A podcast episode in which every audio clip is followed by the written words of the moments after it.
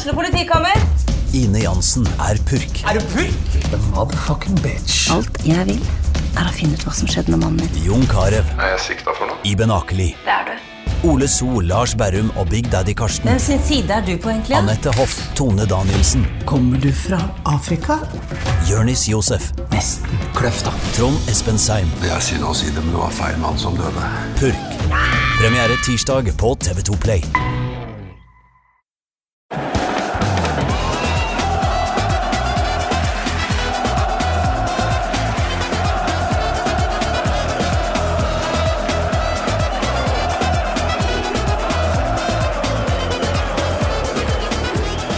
Mine damer og mine herrer og dem midt imellom, velkommen til en ny episode av Pyro og Pivo.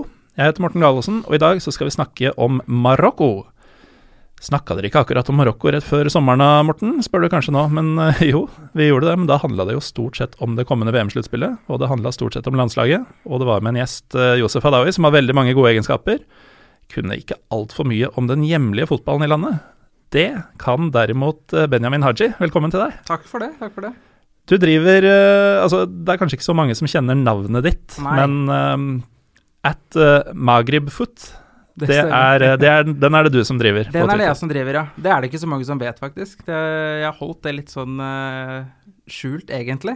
Jeg vi, Eh, Jeg visste jo ikke at du var eh, norsk engang. Eh, Jeg det, fulgte jo den kontoen lenge, og så sendte jeg deg en beskjed på engelsk eh, da jeg lurte på å dra på en match i, i Marokko selv, Ja. og fikk svar på perfekt norsk, holdt jeg på å si. ja. Eh, Ble litt satt ut av det, men eh, Magrib, er det sånn man uttaler det? Magrib, ja. Magrib, Det Mm. betyr Marokko, rett og slett? Ja, rett og slett. Mm. Uh, og denne handler da hovedsakelig om uh, marokkansk fotball, og da helst hjemlig uh, marokkansk Ja, i utgangspunktet så var det jo en, en Det starta jo egentlig som en, som en konto dedikert for marokkansk fotball sett under ett. Og så ble det vel egentlig automatisk dreia litt mer og mer rundt den lokale fotballen.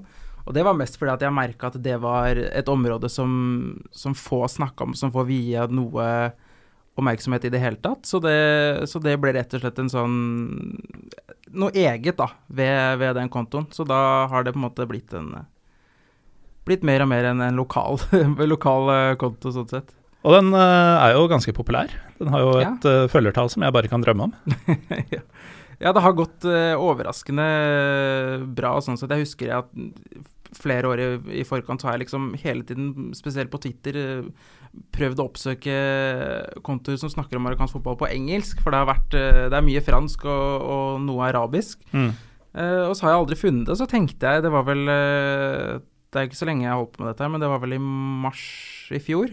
Så tenkte jeg, vet du hva, nå starter jeg min egen. Nå, det er så lite informasjon om amerikansk fotball å oppdrive på engelsk spesielt. Uh, så da tenkte jeg, vet du hva, nå prøver jeg, så ser jeg uh, hvordan det går. Og det, det gikk raskt framover, så det var kult. Men uh, hvor mange språk leser du selv? For du må jo finne disse nyhetene og Mm. informasjonen et sted. Mm, og det har jo vært en utfordring, for du finner jo ikke, du finner jo ikke informasjon på nettet om marok marokkansk fotball på annet enn enn fransk og, og arabisk. Så, så på fransk Fransk kan jeg jo ikke i det hele tatt, så Mm. det, der må man ty til eh, oversettelsesprogram og, og det som er. Så um, arabisk kan jeg litt av, så det går forholdsvis greit. Og så har man en far som kan litt, og så prøver man å få, få hjelp der det trengs. Men sånn språkmessig så har jeg egentlig ikke Har jeg ikke oddsen på min side, egentlig. Men man prøver så godt eh, det lar seg gjøre. Så. For det er noe som virker å gå igjen blant disse, du får unnskylde, men litt særere kontoene. Så tenker man jo at eh, disse folka må i hvert fall ha språket på plass for å få til den, eh, den tyngden og mengden kunnskap som, uh, som bl.a. du viser, da. Men så har du sånn som eh, Morten Myksvold med eh, tyrkisk politikk som han drev. Eh, snakker jo antagelig dårligere tyrkisk enn det jeg gjør. Eh, du verken spesielt stø i arabisk eller fransk spesielt. Mm. eh, og, og, og flere sånne har jeg hørt er tilfellet. Utrolig mye ekstra jobb, blir det ikke det? Altså, den kontoen drives ikke av seg sjøl. Jeg gjør jo ikke det, så det så jeg tar meg selv i å tenke noen ganger at det hadde vært fryktelig greit om jeg f.eks. valgte fransk på, på ungdomsskole og videregående. Hva hadde du i stedet? Det var spansk, Ja. så det kommer ikke så veldig mye til hjelp eh, akkurat der.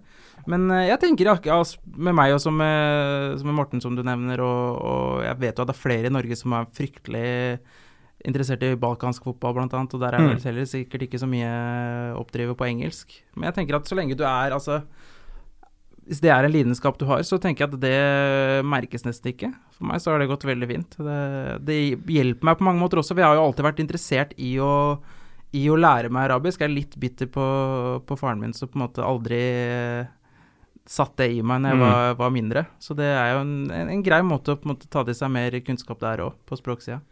Men eh, en lidenskap for deg er jo helt åpenbart uh, marokkansk eh, klubbfotball.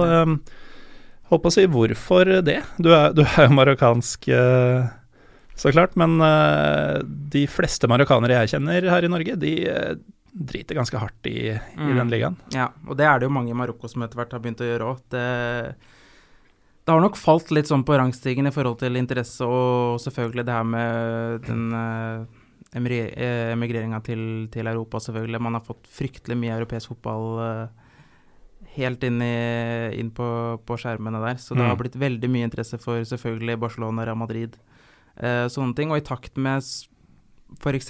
det at eh, brorparten av spillerne på landslaget nå er født og oppvokst i Europa, eh, gjør at man på en måte mister det der forholdet til, til den lokale fotballen. I VM så hadde vi én utespiller fra, fra den lokale ligaen. Ja.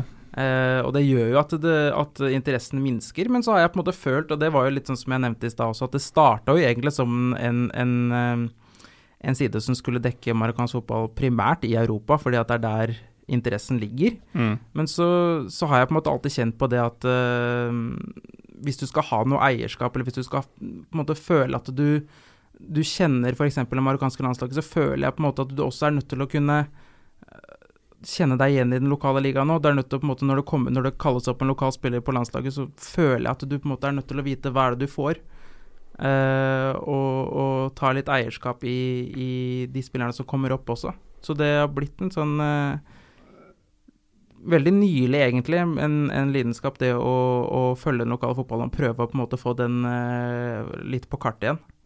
Det Den ene lokale spilleren, det var eh, El Kabi, var det det? stemmer. Han er ikke der lenger. Han er ikke der lenger. Nei, så nå er det ingen, eller? Nå, akkurat nå så er det Det som er, det er jo at marokkanere er veldig Det er et ver verbalt uh, folkeslag som, uh, som gjerne vil ha, ha, ha sitt sagt til, til alle tider, og, og elsker å være uenig og ha sin egen mening. Og det er selvfølgelig en stor del av, av landet som spesielt de som eh, følger lokalfotball, de som er, eh, er interessert i, i marokkanske fotballag, har jo selvfølgelig sin mening om, om mangelen på, på lokale spillere. Nå har vi en utenlandsk trener, og så har du masse spillere som, eh, som holder på ute i Europa. Da mener selvfølgelig noen at det, du er nødt til å ha Du er nødt til å ha noen representanter fra, fra hjemlig liga også. Og den kan jeg se. Jeg tenker at det, det er vanskelig for de lokale spesielt å føle noe Føle den samme kjærligheten når du på en måte ikke har noen å identifisere deg med på Mm. landslaget. Ja. Uh, så nå har vi hatt altså Han har på en måte booka litt uh, for presset, landslagstreneren også, i forhold til det å ha med lokalspillere. Så har vi hatt et par fra, fra Wydad Casablanca spesielt, og så har vi hatt en fra Raja Casablanca nå i, på forrige samling. Så det, han prøver å få med en eller to sånn for syns skyld Mm. hver gang. Men uh, altså, vi, vi skal snakke litt om nivået her. Eh, kan jo ta det med en gang. Mikael Troli har jo spurt om uh, hvordan nivået på ligaen er i forhold til de andre, spesielt nordafrikanske landene, men kanskje Afrika generelt. Eh, var vel Raja som vant en kontinental, kontinental turnering nå før jul. Eh, så åpenbart ganske bra i afrikansk sammenheng, men å ha med hjemlige spillere, det blir, som du sier, litt for syns skyld. Det er, hvor langt unna nivået er dem, altså når resten er fra europeiske ligaer? Ja, det, ah, det er fryktelig vanskelig å si, syns jeg. Jeg synes det er vanskelig å bedømme, bedømme forskjellen sånn sett. Har, altså, det finnes noen sånn som uh, han fra Raja Casablanca som jeg nevnte i stad. Abdelillah Hafidi, heter han. Uh, Midtbanespiller. Han er fryktelig god. Uh, sliter mye med skader, og derfor har han egentlig bare endt opp med å bli i, i den lokale legaen. Så du har gode spillere, men, men, men forskjellen er der nok fordi at du De har ikke den samme fotballutdanninga, ikke sant. Det, det er store forskjeller på det å komme gjennom akademien til eh, Ajax eller, eh, eller Lyon kontra det å, å, å fostres opp i Marokko. Så, um, men men i, altså, i afrikansk målestokk så er, har marokkansk fotball løfta seg fryktelig. De har alltid vært oppe der. De beste lagene har ofte vært å knive knive om, om, om eh, finaleplasser og sånn i kontinentale turneringer, men nå de siste par årene har det vært fryktelig, fryktelig bra. Så, så standarden på den marokkanske ligaen er, er på oppadgående sånn sett, selv om eh, interessen har dabba litt av. Nå hadde vi, som du nevnte, Raja Casablanca vant eh, det som egentlig da er Europaligaen i, i Afrika. Mm. Eh, Confederations Cup vant de nå i, i november, også, eller desember var det kanskje. Eh, og så vant Widad vant eh, Champions League i fjor. Eh, og CAF Supercup i tillegg. Og så har du da i tillegg da det lokale landslaget for Afrika, så har du da en eget eh, Afrikamesterskap kun for lokale spillere. Ah, ja. Eh, så slags EM, men bare for spillere som spiller i den lokale ligaen. Hmm. Eh, det var i januar i fjor, i Marokko. Da vant, eh, da vant det lokale marokkanske landslaget den turneringa. 4-0 mot eh, Nigeria i finalen. Så det, og det er fryktelig stort, egentlig, for, for marokkanere sånn sett, at man eh, har et lokalt landslag også som, som hevder seg. Mm. Så totalt sett så er uh, marokkansk hjemlig fotball i Afrikatoppen. Ja, er det vel vil si ganske at, trygt å si. Jeg vil si at når nordafrikansk fotball er, er fryktelig dominante nå. Så har du et par lag, TP Mazembe i, i DR Kongo. Mm. eh, Et par andre også som, som er der iblant. Men ellers så er det Nord-Afrika som dominerer. Egypt, Tunisia spesielt, og Marokko. Ja. Også Algerie. Um, jeg så jo, apropos disse um, kontinentale konkurransene, så var det jo en del matcher nå helga som var.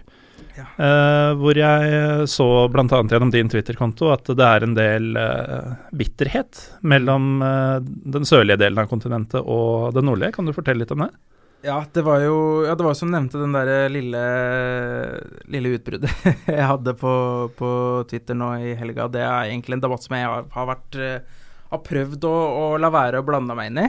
Eh, men jeg har sett det mye, spesielt fra sørafrikanere. Det er da landet Sør-Afrika.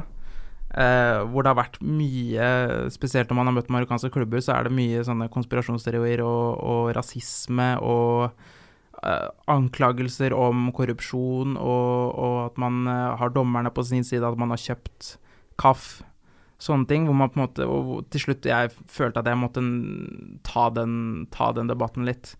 Eh, og det har ikke noe å gjøre med sånn som det Det var jo Det tok jo den i etterkant at uh, Mamelodi Sundowns fra Sør-Afrika slo uh, Wida Casablanca i, i gruppespillet i CAF Champions League, og da var det mange som mente at var Da kom jeg med det utbruddet fordi at de hadde tapt. For det første så er jeg ikke, ikke noe spesielt uh, uh, fan av, av Widat som klubb i utgangspunktet. Jeg har ikke, noe, har ikke noe spesielt større forhold til dem enn andre klubber, så det men jeg følte at det var, en, var noe jeg på en måte følte at jeg måtte si til slutt. For jeg syns det blir eh, Det blir så dumt å bruke, bruke rasisme og korrupsjon som en unnskyldning for at man henger etter. Og det Mm. var min ærlige mening, at de, de sørafrikanske og det, det er ikke bare Sør-Afrika, men de sørlige, sørlige landene på kontinentet henger etter. Og har begynt å henge mer og mer etter, spesielt eh, på klubbnivå.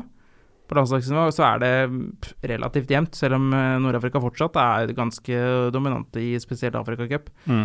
Um, men jeg følte at det var en, var en litt sånn ufin og urettferdig måte å på en måte framstille det Altså nivåforskjellen mellom eh, nordafrikanske og, og sørafrikanske land på. For det, er ikke, altså det er ikke sånn at det er dommere og, og KAF som er grunnen til at, eh, til at nordafrikanske klubber dominerer. Det er på en måte Det er ganske mange aspekt, aspekter hvor de ligger ganske langt framme.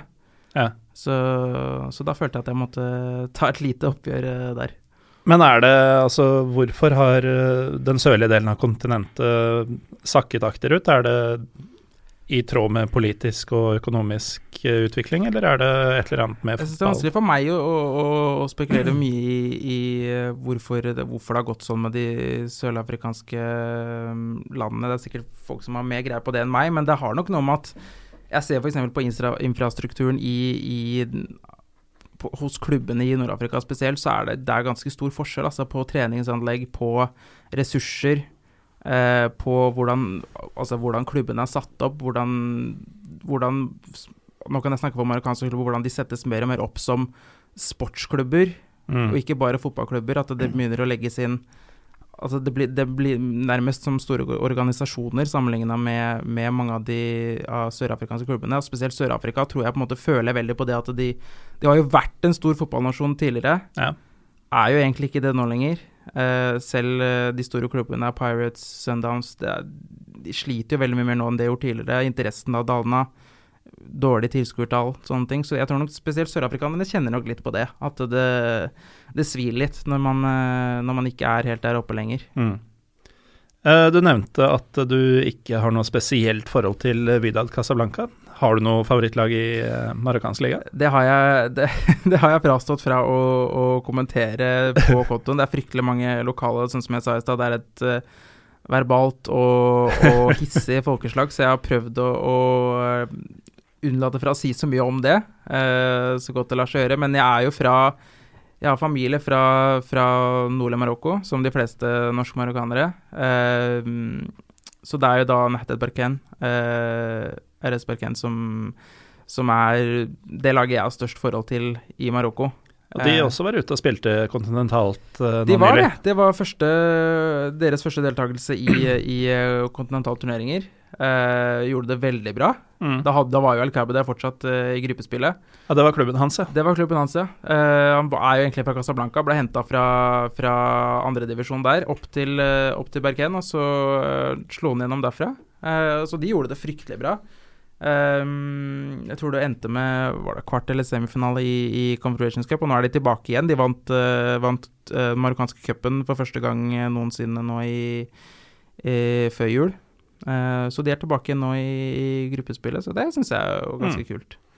Og nå er hemmeligheten altså ute. Nå er hemmeligheten ute. Det er uh, Resperken som er, uh, er mitt lag i Marokko. Men uh, jeg, jeg føler selv at jeg klarer veldig greit å holde meg nøytral. Og det som jeg pleier å si til folk når jeg blir uh, ofte anklaga for, og det er spesielt uh, Ouida Doraja Casablanca, hvor jeg blir anklaga for å være pro den ene. Mm.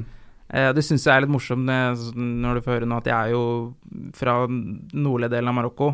Er glad i RS Berken, ikke og f.eks. Morodé Oujda, som også nå er i den øverste divisjonen, de lagene på, på den siden av, av Marokko.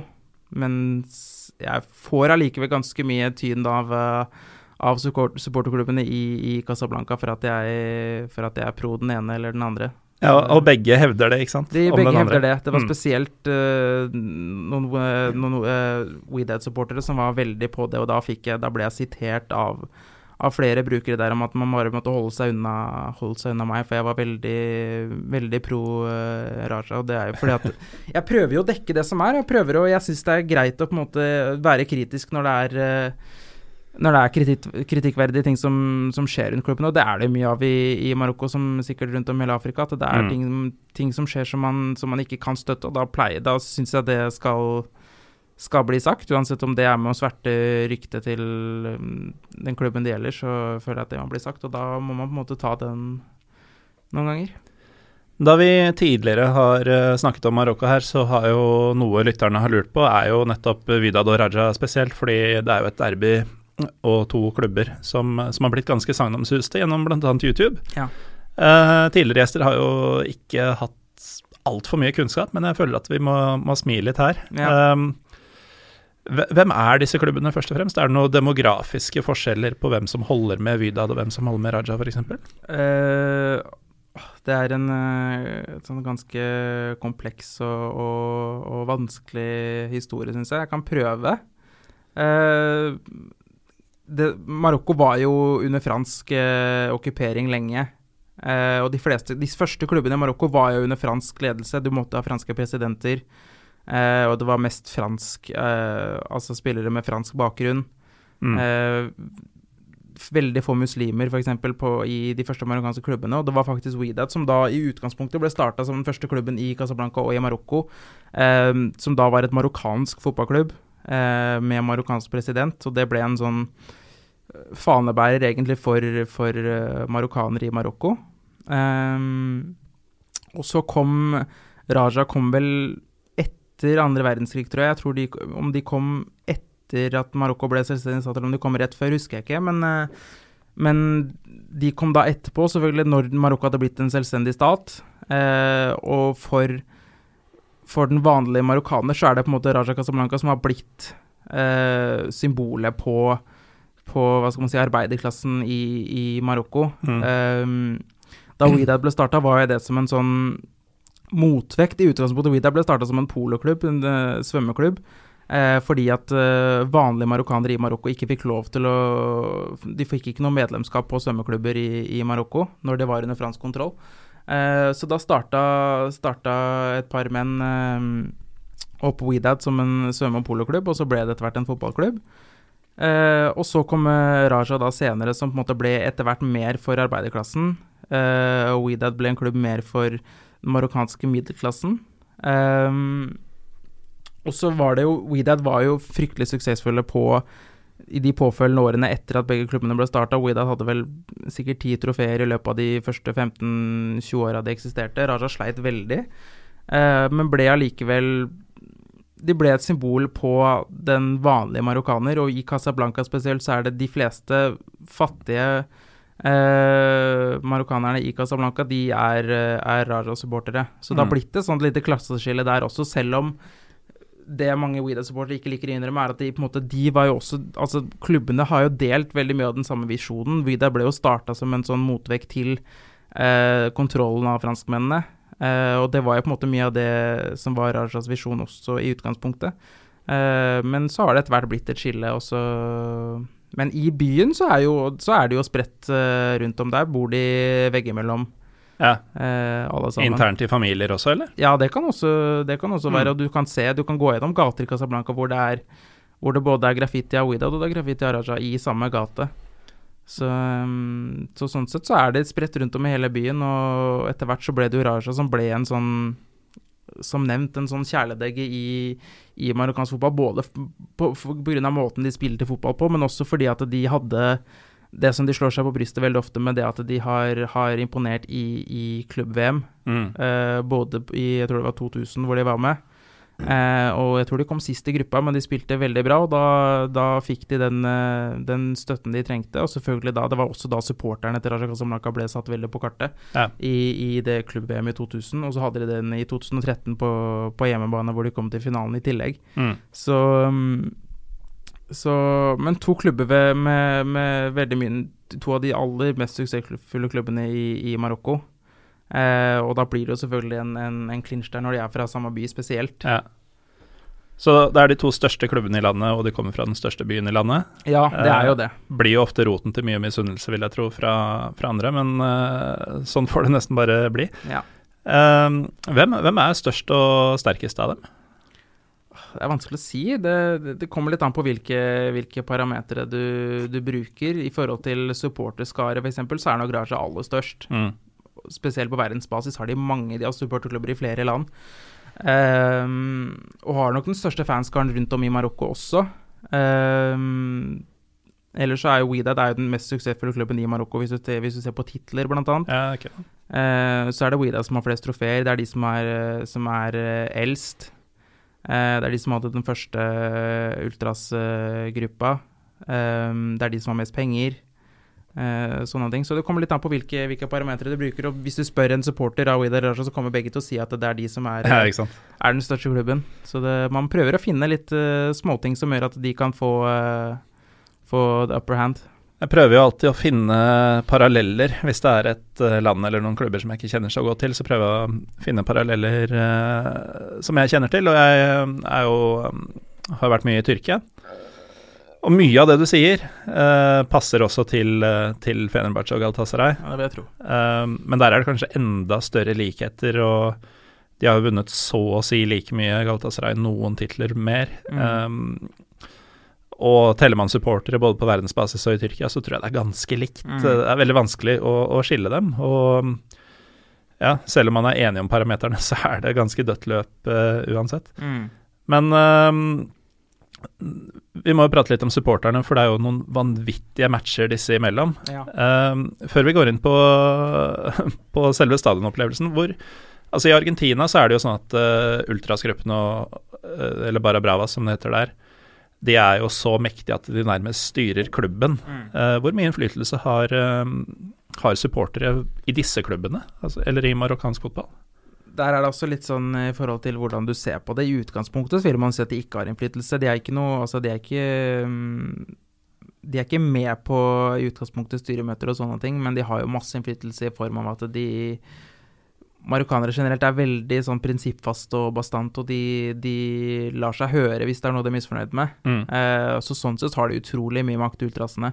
Eh, og det er vanskelig f.eks. For, for en president eller for en trener å sitte i en klubb hvor, uh, hvor supporterne boikotter uh, kamper og, og, protesterer og synger og drar opp bannere med trusler og sånne ting. Så på den måten så har de jo fryktelig mye makt. Og det er ikke de Som sagt, de sitter ikke lenge altså når, først, når ultrasene først har, har, vendt seg mot deg. Så, så, generelt i Marokko har ultrasene veldig mye innflytelse. Uh, og det gjør jo også at det har blitt en blitt vanskelig, spesielt for trenere og presidenter, uh, å, å, ta sånne jobber, fordi at det, er mm. så mye press som følger med. Uh, så, så, på generelt grunnlag så har jo ultrasene ganske mye kontroll over, over klubben og det som, det som, skjer. Ikke sant. Um, liten teknisk uh, sak der som satte meg litt ut av spillet et øyeblikk, men nå virker det å funke igjen. Um, en håper å si vanlig kampopplevelse. Nå, nå, møttes jo disse lagene for et par uker siden. Mm. Uh, ikke, en helt vanlig, ikke et helt vanlig møte mellom disse to. Nei. Uh, kampen ble spilt i Marrakech, eh, skjønte jeg. Ja. Den, og med et vesentlig lavere tilskuertall enn mm. det ville vært ellers. Ja, og det har vært noe som har gått igjen egentlig i marokkansk fotball generelt de siste par åra, uh, blant ultrasene spesielt. Uh, grunnen til at det ble spilt i Marrakech nå, var fordi at de plutselig ble bestemt at, at stadion i Casablanca skulle, skulle renoveres. Uh, ganske uheldig tidspunkt sånn sett, nå som begge klubbene er med i, i kontinentale turneringer og sånne ting. Så det var ganske mye protester rundt det. Og så har det på en måte blitt en sånn blitt dyssa litt ned, egentlig, hele den atmosfæren rundt derby, fordi at det Siden 2016 eller noe sånt, så har det blitt bannlyst f.eks. Uh, TIFOR og sånne ting. TIFOR, pyro. Det er ikke uh, lov med TIFOR lenger? Nei. For det er jo et av de virkelig store fortrinnene de hadde. Mm. Altså noe som gjør at uh, Ultras hos Vålerenga og Rosenborg snakker om marokkansk klubbfotball, er jo disse vanvittig ja. gjennomførte koreografiene som har vært opp mm, igjennom. Mm, helt klart. og det jeg skrev om det på Twitter for et par dager siden, for nå er det snakk om at Tifoene skal komme tilbake. Mm. Uh, at det er bestemt, blitt bestemt nå at det skal åpnes opp for at de kan, kan komme tilbake igjen. For det ble en sånn grunn til at Tifoene og, og Pyroen ble, ble bannlyst, var jo som en reaksjon eh, på alle opptøyene og, og, volden som foregikk blant ultras i, i Marokko.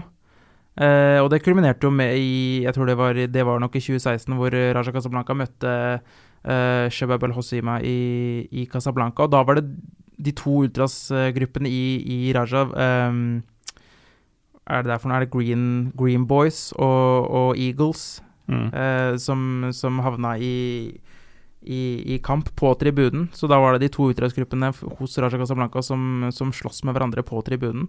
Eh, og da var, endte det vel med, med to eller tre dødsfall. Eh, det er såpass, ja? Ja, det var såpass. Så, så, reaksjonen på det ble rett og slett at de stoppa De prøvde nærmest å, å, å fjerne hele ultraskulturen fra, fra, tribunene. Så det var I begynnelsen så var det TIFOR, det var pyro, det var T-skjorter, det var Uh, alt mulig du kan tenke deg. Mm. Uh, de ville på en måte fjerne hele det aspektet ved, ved, ved fotballkulturen i Marokko. Uh, så det som gjør det verdt å dra på denne kampen På en måte. Så det, ble jo, det fikk jo så veldig masse kritikk. og det er ganske morsomt hvis du finner det på nettet noen bilder fra de, de, kampene i etterkant av den, av den beslutningen. Så har du overalt rundt om i Marokko ultrasene går rundt med, med svarte T-skjorter Eh, først så boikottet de vel fire-fem kamper, og så bestemte de seg for å gå på kamp med svarte T-skjorter. Uh, som en sånn eh, protest mot, mot den beslutninga. Altså ultras fra forskjellige ultras lag? Ultras fra alle, alle, mm. klubber i Marokko gikk med svarte T-skjorter. Og, og, det var også første gang f.eks. Uh, Far Rabat, som også er Det er vel den nest største klubben i Marokko etter i form av titler.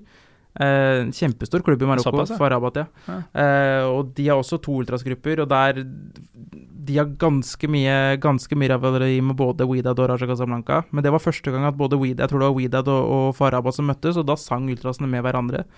Og det er aller første gang, for i, hm. i det man sier i, i Rabat der med Farabat, er at Widad og Raja Ultras har, har ikke tilgang, sier de. De har, noe, de, får, de har, ikke lov til å komme på stadion, uh, av, ifølge ultrasene i, i, i, Rabat. Så der har det vært veldig, veldig veldig mye, mye kamper og, og vold. Men, eh, men, så har de jo på en måte klart å slå seg litt sammen når det, når det gjelder som mest. Så nå håper jeg jo selvfølgelig at det Ikke nødvendigvis pga. tifoene, men hele, altså hele den gleden ved det å være supporter og sant, ultras i, Mange tenker når de hører ultras at det på en måte bare er uh, faenskap og, og, og, vold, men det er, det er, en stor del av, av supporterkulturen. Og det, og det, å, få det tilbake tror jeg hadde gjort veldig mye for ikke bare Casablanca-derby, men hele, hele marokkansk fotball generelt. Ja, altså når um, Dette er det jo dessverre ofte de som styrer med fotballen, ikke forstår, da. Men um, du kan bare til en viss grad styre nivået på det som skjer på banen. Mm. Uh, I både Norge og Marokko så er det begrensa hvor høyt du kan nå der. Og da er det én annen måte å trekke folk på, og det er at uh, opplevelsen av å være på stadion skal være noe helt spesielt.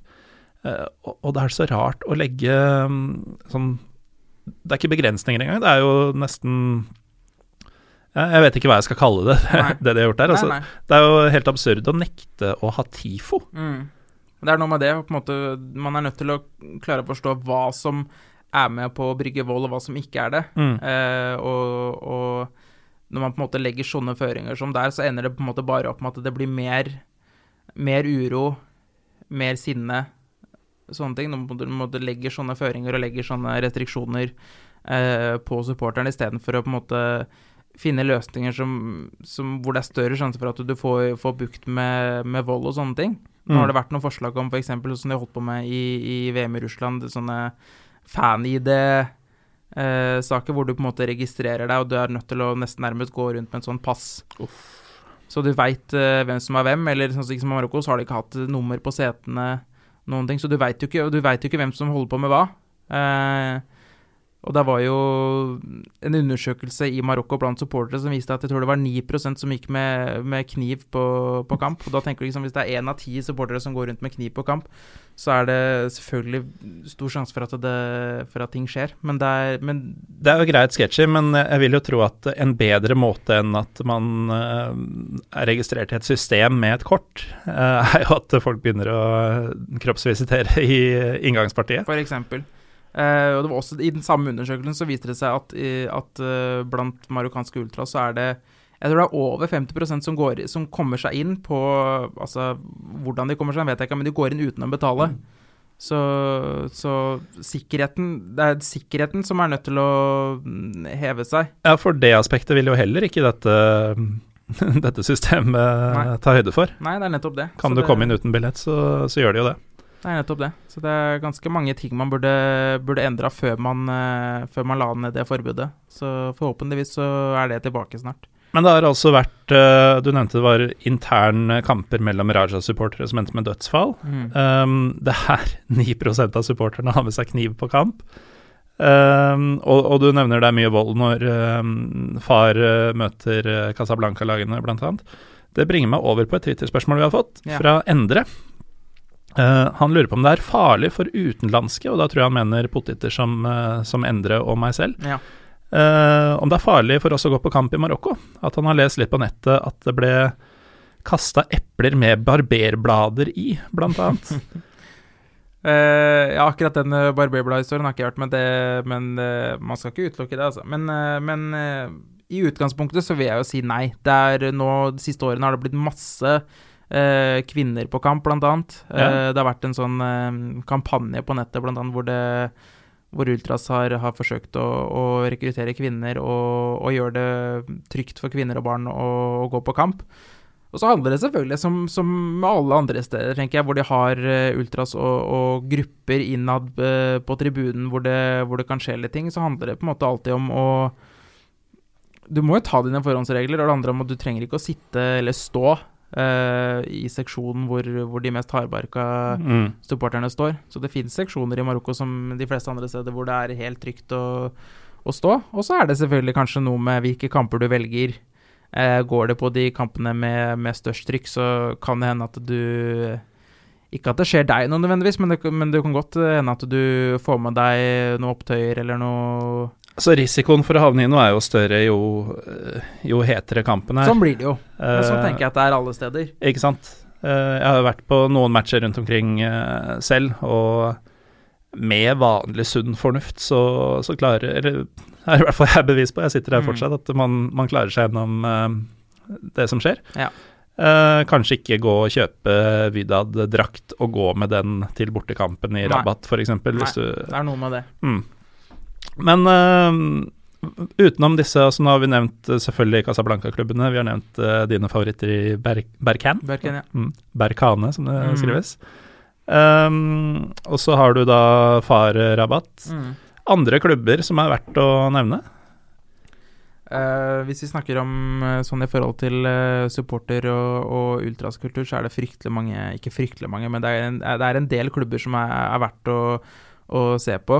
Eh, det syns jeg er fryktelig kult i Marokko, at du har fått en såpass stor eh, ultraskultur. Jeg, vet, jeg vil tro at det er ikke mange land som kan skilte med såpass mange store ultrasgrupper eh, som Marokko. Nå har du dessverre to av de største som nå er nede i førstedivisjon, Magreb Fes eh, fra byen Fes. De er, de er store, altså. Det, Fatal Tigers, tror jeg de kaller seg.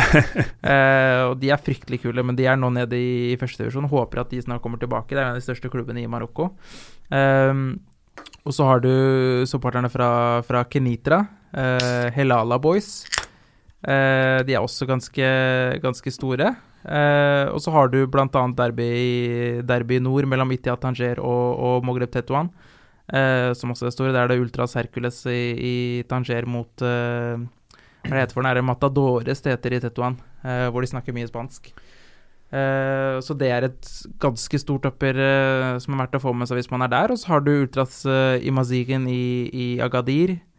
Du har Ultras i Agadir, ja. Du har Ultras i Agadir òg. Ikke like store, riktignok, men de har Ultras der òg, altså. Ja, for det er kult, fordi det er også et annet uh, punkt vi hadde. Det var jo at uh, for veldig mange nordmenn så er Marokko, Agadir og Marrakech. Mm. Uh, og jeg trodde jo egentlig ikke jeg skulle få et ja på dette, men om, om det er noe fotball å få med seg der. Og Mm. da kan vi også ta med et spørsmål som har kommet nå mens vi har sittet her, Ja. fra den unge bergenseren Kristoffer Haaland. Yes. Uh, han skriver Da jeg var i Agadir, skjønte jeg ikke bæret av Stad Adrar. Ikke nok med at den lå altfor langt vekk fra sentrum, men det så ut som nesten det eneste byen hadde brukt penger på. Mm. Og ut ifra YouTube er den langt ifra fullsatt. Um, er det vanlig at det er slik i Marokko? Det er vel ofte Det er vel en del eh, ganske strøkne stadioner, vil jeg Mm. tro, pga. alle VM-budene, men Ja. um, ja. Stad Adrar og denne klubben i Agadir, det er altså en viss kultur der? Det er en viss kultur der. Det er uh, Hassan Agadir heter, disse, heter den klubben. De er jo også nå i, i CAF eh, Confederations Cup. Mm. Eh, gruppene ble trukket i dag, og da ble det faktisk Berkan, Agadir og Raja Casablanca i samme gruppe. Eh, Tre marokkanske tre lag i samme gruppe. Alle marokkanske klubbene i gruppespillet der ble i samme gruppe. Hvor mange gruppe, Nei, hvor mange lag er det per gruppe? Det er fire lag per gruppe, Er og det er fire dette grupper. Så det er tolv lag. Og tre, herlig amatørmessig trekning marokkanske- Ja, det var det jeg kommenterte også. Det var tre marokkanske lag i samme gruppe, og så var det to fra Sudan i samme gruppe, og så var det to fra Tunisia i samme gruppe. Eh, eller Zambia var det kanskje to fra Zambia i samme gruppe. Jeg syns det var ganske godt gjort at man klarte å få til det.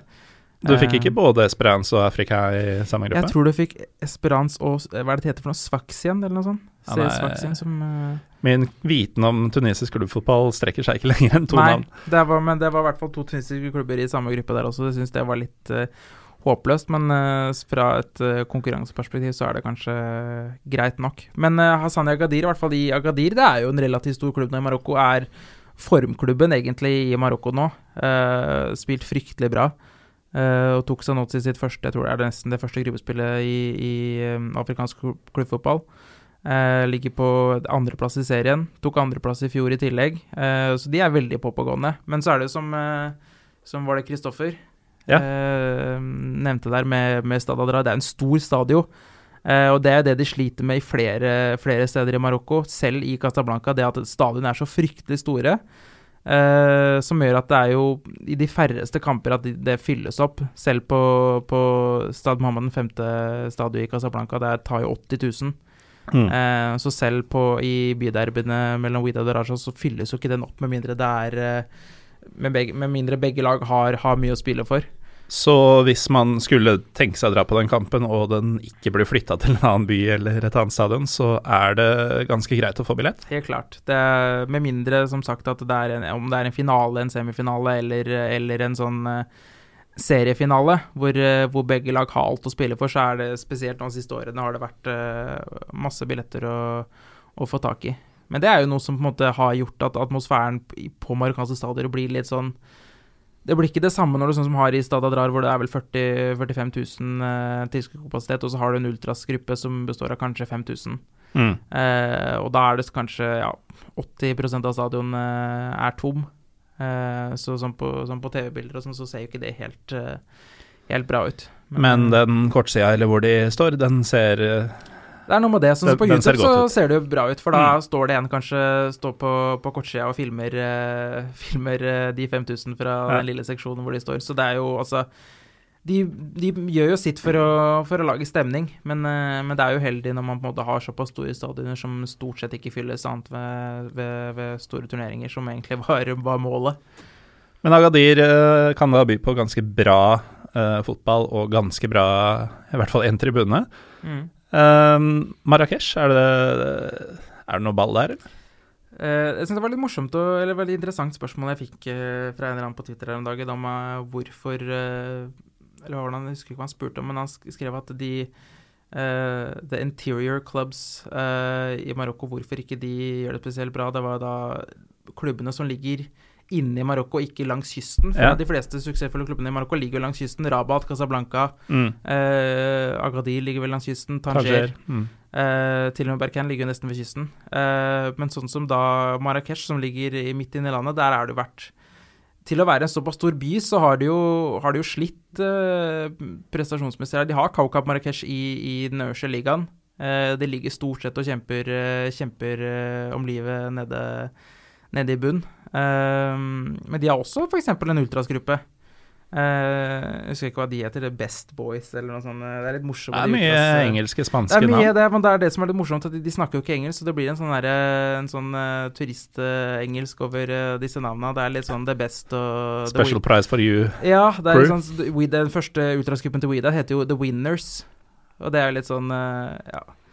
Jeg er ikke så kreativ, men eh, Men uh, det er noe. Så, det, så de har jo fotball i Marrakech også. Jeg får jo folk som spør meg stadig vekk om, om lokalfotball, uh, f.eks. I, i disse store byene, og der er det litt sånn vanskelig å finne informasjon. Men det som er veldig greit, er at det stort sett spilles på jeg tror det er lørdager klokka tre eller noe sånt, og da spilles Da er det fastsatt tider. Det har det vel til og med blitt nå, tror jeg, i norsk andredivisjon uh, og tredjedivisjon, kanskje, at det er stort sett fastsatte datoer til faste Lite. TV-beramming i de ligaene. Ja, det er det. Men, eh, men det fins, det òg. Så, det, Mm. så det, jeg får jo spørsmål noen ganger fra folk som har tenkt seg til Marrakech eller Agadir eller, eh, eller Tanger om, eh, og lurer på om det er noe, noe breddefotball å, å få med Mm. seg der. Og det er det jo, selv om det ikke er like mye informasjon å oppdrive. Nei. Og til dere som eventuelt lurer på disse tingene, kan jo Det kan være en idé å laste ned appen som heter Groundhopper, Mm. som um, vi hadde mennene bak som gjester uh, i sommer.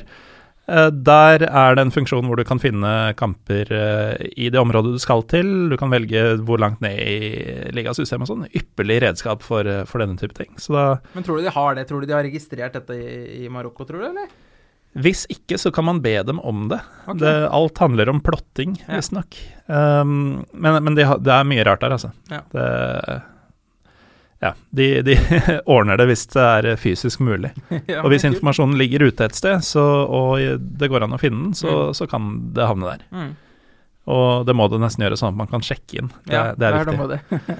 Eh, vi begynner å gå tom for tid, eh, Benjamin. Det er litt, uh, vi har gått i en felle her og valgt å spille inn på dagtid, som gjør at det kommer noen etter oss og skal bruke studio, så vi, Ja. må, vi må kutte litt ned på slutten her. Men eh, ellers, hvis man skal til Marokko Man skal selvfølgelig få med seg ultrasgrupper uansett hvor man skal, men eh, hva må man uh, ellers gjøre hvis man først er nede der? Hvis du hvis Gjerne du noe ikke- kulinarisk. Ja, hvis du ikke har øh, Hvis du ikke har øh, Hvis du har fått nok av fotball, holdt jeg på å si, så, så er det masse å, å finne på Marokko Så Det er en frykt, fryktelig holdt jeg på å si, gjestmild Gjestfri heter det vel. Gjestfri, gjestfri, gjestfritt land. Eh, masse spesielt i disse turistbyene. Eh, Men jeg vil vel nesten ikke frabe folk om å dra dit, men det har jo blitt veldig turistifisert, og det gjør jo noe med både priser og ehm, og folks Hva skal jeg si? Det blir jo litt sånn Sånn som jeg var i Tyrkia for noen år siden, at det blir veldig sånn her at folk Alle som jobber der, er klar over at det er masse turister, og da blir Ja. det veldig mye sånn at du skal dras inn steder, og du skal uh, lokkes inn, og, og de veit at folk kommer for å, for å prute og sånne ting, så det har blitt litt sånn Jeg er jo av den oppfatning at uh, si Kos og um, eh, Hva heter det for noe? Cheshme, som, uh, som er et sånn Tyrkia-reisemål. uh, Mallorca, Las Palmas, Agadir for den saks skyld. Det er liksom ikke Hellas og Tyrkia, Spania og Marokko, det er Syden. Det er liksom det, Ja, det er det. særegne landet Syden. Ja. så drar man dit, så er jo det selvfølgelig en utfordring du får. Mm. Men uh, hvis du f.eks. drar til Rabat eller eh, eller eh, Casablanca, da. Mm. Det, er det, kanskje- det er store metropoler. Altså der, vil jeg, der vil jeg faktisk frabe folk om å dra, for det er ikke noe Det er ikke så stas, syns jeg. Altså, det er masse folk. Uh, Altfor mange folk. Uh, masse kaos i gatene. Uh, nå skal jeg ikke snakke ned byen altfor mye, men, uh, men sånn sett så er det ikke noe Det er ikke noe turistvennlig, sånn sett. Begge byene. Begge byene vil jeg si. Det er store metropoler som egentlig ikke sånn som Brabat, uh, for eksempel, er ikke noe, det er ikke noe turistby sånn sett. Det er økonomiske og, og politiske hovedsteder. Eh, og det er egentlig det. Så det er litt sånn marokkansk Brussel. Ja, det blir egentlig det. Litt, altså det om du, om du tar Brussel, eller om du tar eh, Hva skal jeg si Den Haag. eh, Eller Frankfurt. eller Frankfurt. Litt sånne byer som er altfor uh, alt for opptatt med, med sitt. Mm. Eh, så sånn sett, så hvis du skal til en turistby, så vil jeg heller anbefale Agadir, Marrakech, Tanger. Eh, men så kan du også oppsøke mindre byer, Sawira, Chefchaouen. eh, og de byene som på en måte har kommet litt mer på kartet nå, og som er fortsatt eh, litt i, sånn i oppbyggingsfasen. Selv Nador, der hvor jeg er fra, begynner de å, begynner de å bygge mer og mer nå. Eh, litt sånne strandbyer og, Mm. og sånne ting. Men ellers er det jo altså Marokko har jo blant de I hvert fall i mine øyne blant de beste kjøkkenene i, i verden. Eh, så finne seg noe, noe couscous eller noe tagine eh, Å, tagine er godt, ass. Ja, det er det. Fantastisk. Eh, så det er sånne retter som nå begynner å spres utover eh, Vannes nesten litt ut. eh, Ja, nå, får du jo, nå kan du gå på nærmeste Coop Extra Du kan jo og, og kjøpe sånn mikrobølge-tagine. Eh, ja. Ja. Så, så det må, er veldig verdt å prøve ut. Og så har det masse sånne såkalte soks, eh, Mm. sånne små Markeder. marked, små marked eh, som også er, eh, er en attraksjon i seg selv. Ja. Det i Eh, Marrakech er jo gigantisk. Det er det. Jemal eh, i, i Marrakech er jo en sånn der eh, Nesten sånn tusenfryd eh, for, eh, for sånne små eh, marked og sjapper og kafeer og sånne ting. Så det er også en sånn eh, noe du bør få med deg. Men, eh, men, eh, men det er så mye mer enn det. Jeg tenker at Når du skal til Marokko, så er det, ikke, så er det på en måte ikke der du bør, bør være mest. Du må selvfølgelig få det med deg, men så er det liksom Dra til stranda, surfe. Eh, du kan dra mot Sahara-ørkenen eh, og, og ri på kameler, holdt jeg på å si. Eh, selvfølgelig eh, marokkanske kjøkkenet. Eh, så på sånn sett så vil jeg nesten si at det er nesten finere å, å dra litt i, i utkanten av disse byene. Mm. Jeg har jo sommerhus på et lite sted som heter Saidia, som ligger eh, halvtime fra Berken. Eh, som blitt en sånn eh, lite, liten strandby med, med litt, litt mindre sok og Alt er litt mindre og litt mindre, litt mindre travelt, og da blir alt litt, litt mer behagelig, tenker jeg. Spesielt for nordmenn, hvor det er greit at det ikke er altfor alt for mye som skjer eh, rundt. Ikke sant.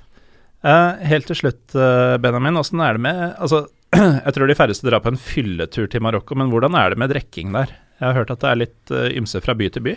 Ja, det er jo det. Det, det kommer litt an på by til by og, og hvem du hanskes med. Nå har det blitt mer og mer Det er litt som jeg sier, at det har blitt mer og mer turistifisert. Det har blitt mer og mer eh, europeisk eh, innflytelse rundt om i Marokko. Og de fleste marokkanere kjenner nå folk som, som har bosatt seg i Europa, og da blir det litt mer uh, vanlig ut. Så nå har det folk Og det er spesielt i Rabat og Casablanca, f.eks., hvor man har blitt veldig modernisert i forhold til det og med nattklubber og øl på, på, Mm. i butikken og sånne ting. Så, så det går for så vidt greit. Og jeg får også folk som spør om det er trygt å ta med kjæreste eller mødre til, til Marokko, så det går også stort sett helt fint. Eh, Du trenger ikke å gå med, med noe sjal og, og lange bukser eh, i Marokko. Det går stort sett veldig fint, altså.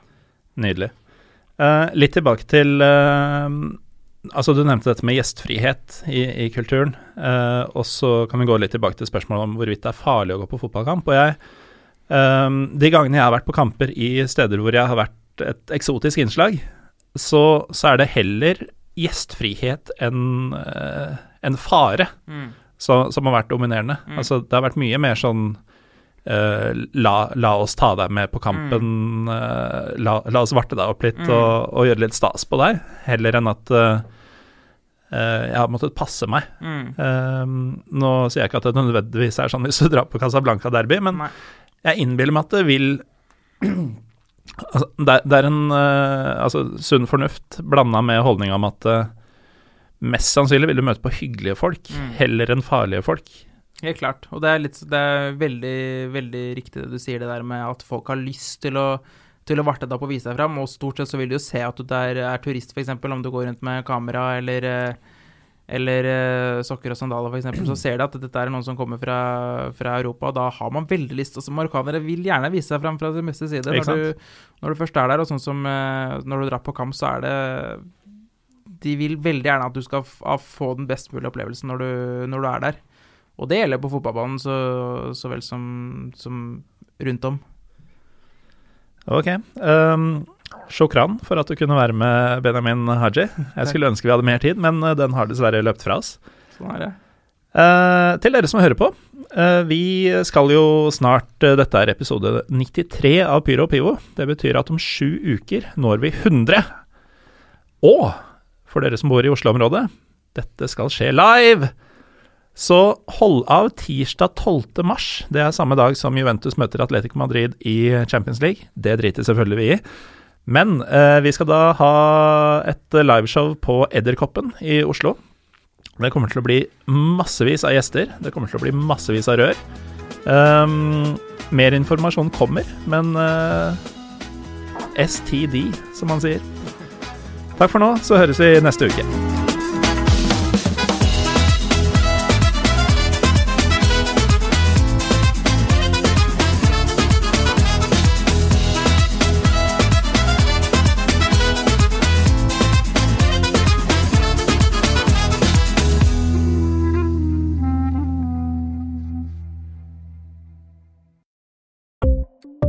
Ukens annonsør er HelloFresh. HelloFresh er verdens ledende matkasseleverandør og kan være redningen i en travel hverdag. Mange av oss har nok vandret i butikken både sultne og uten en plan for middagen, som ender med at vi går for de samme kjedelige rettene gang på gang. Middag burde være dagens høydepunkt. Som HelloFresh kan du nå velge mellom 25 ulike retter hver eneste uke, eller få HelloFresh til å sette sammen menyen for deg. Dette gir deg muligheten til å prøve nye og spennende retter alene eller sammen med familien. Du velger antall porsjoner og får alt levert på døren på et tidspunkt som passer for deg. Oppskriftene er enkle, og maten er lett å lage både for store og for små. Ved å få alt levert hjem får du også mer tid til å dele matgleden med familie og venner. Kanskje det frister med asiatiske tacos eller greskinspirert kylling? Da kan jeg anbefale deg om å gå inn på hellofresh.no. Her kan du bruke koden FOTBALL og få opptil 1779 kroner i rabatt på de første fem matkastene hvis du ikke har prøvd HelloFresh tidligere. Du kan også bruke rabatten hvis du har vært kunde og stoppet abonnementet ditt for tolv måneder siden eller lengre. Gå inn på hellofresh.no og bruk koden FOTBALL. Har du et enkeltpersonforetak eller en liten bedrift? Da er du sikkert lei av å høre meg snakke om hvor enkelt det er med kvitteringer og bilag i fiken, så vi eh, gir oss her, vi. Fordi vi liker enkelt. Fiken superenkelt regnskap.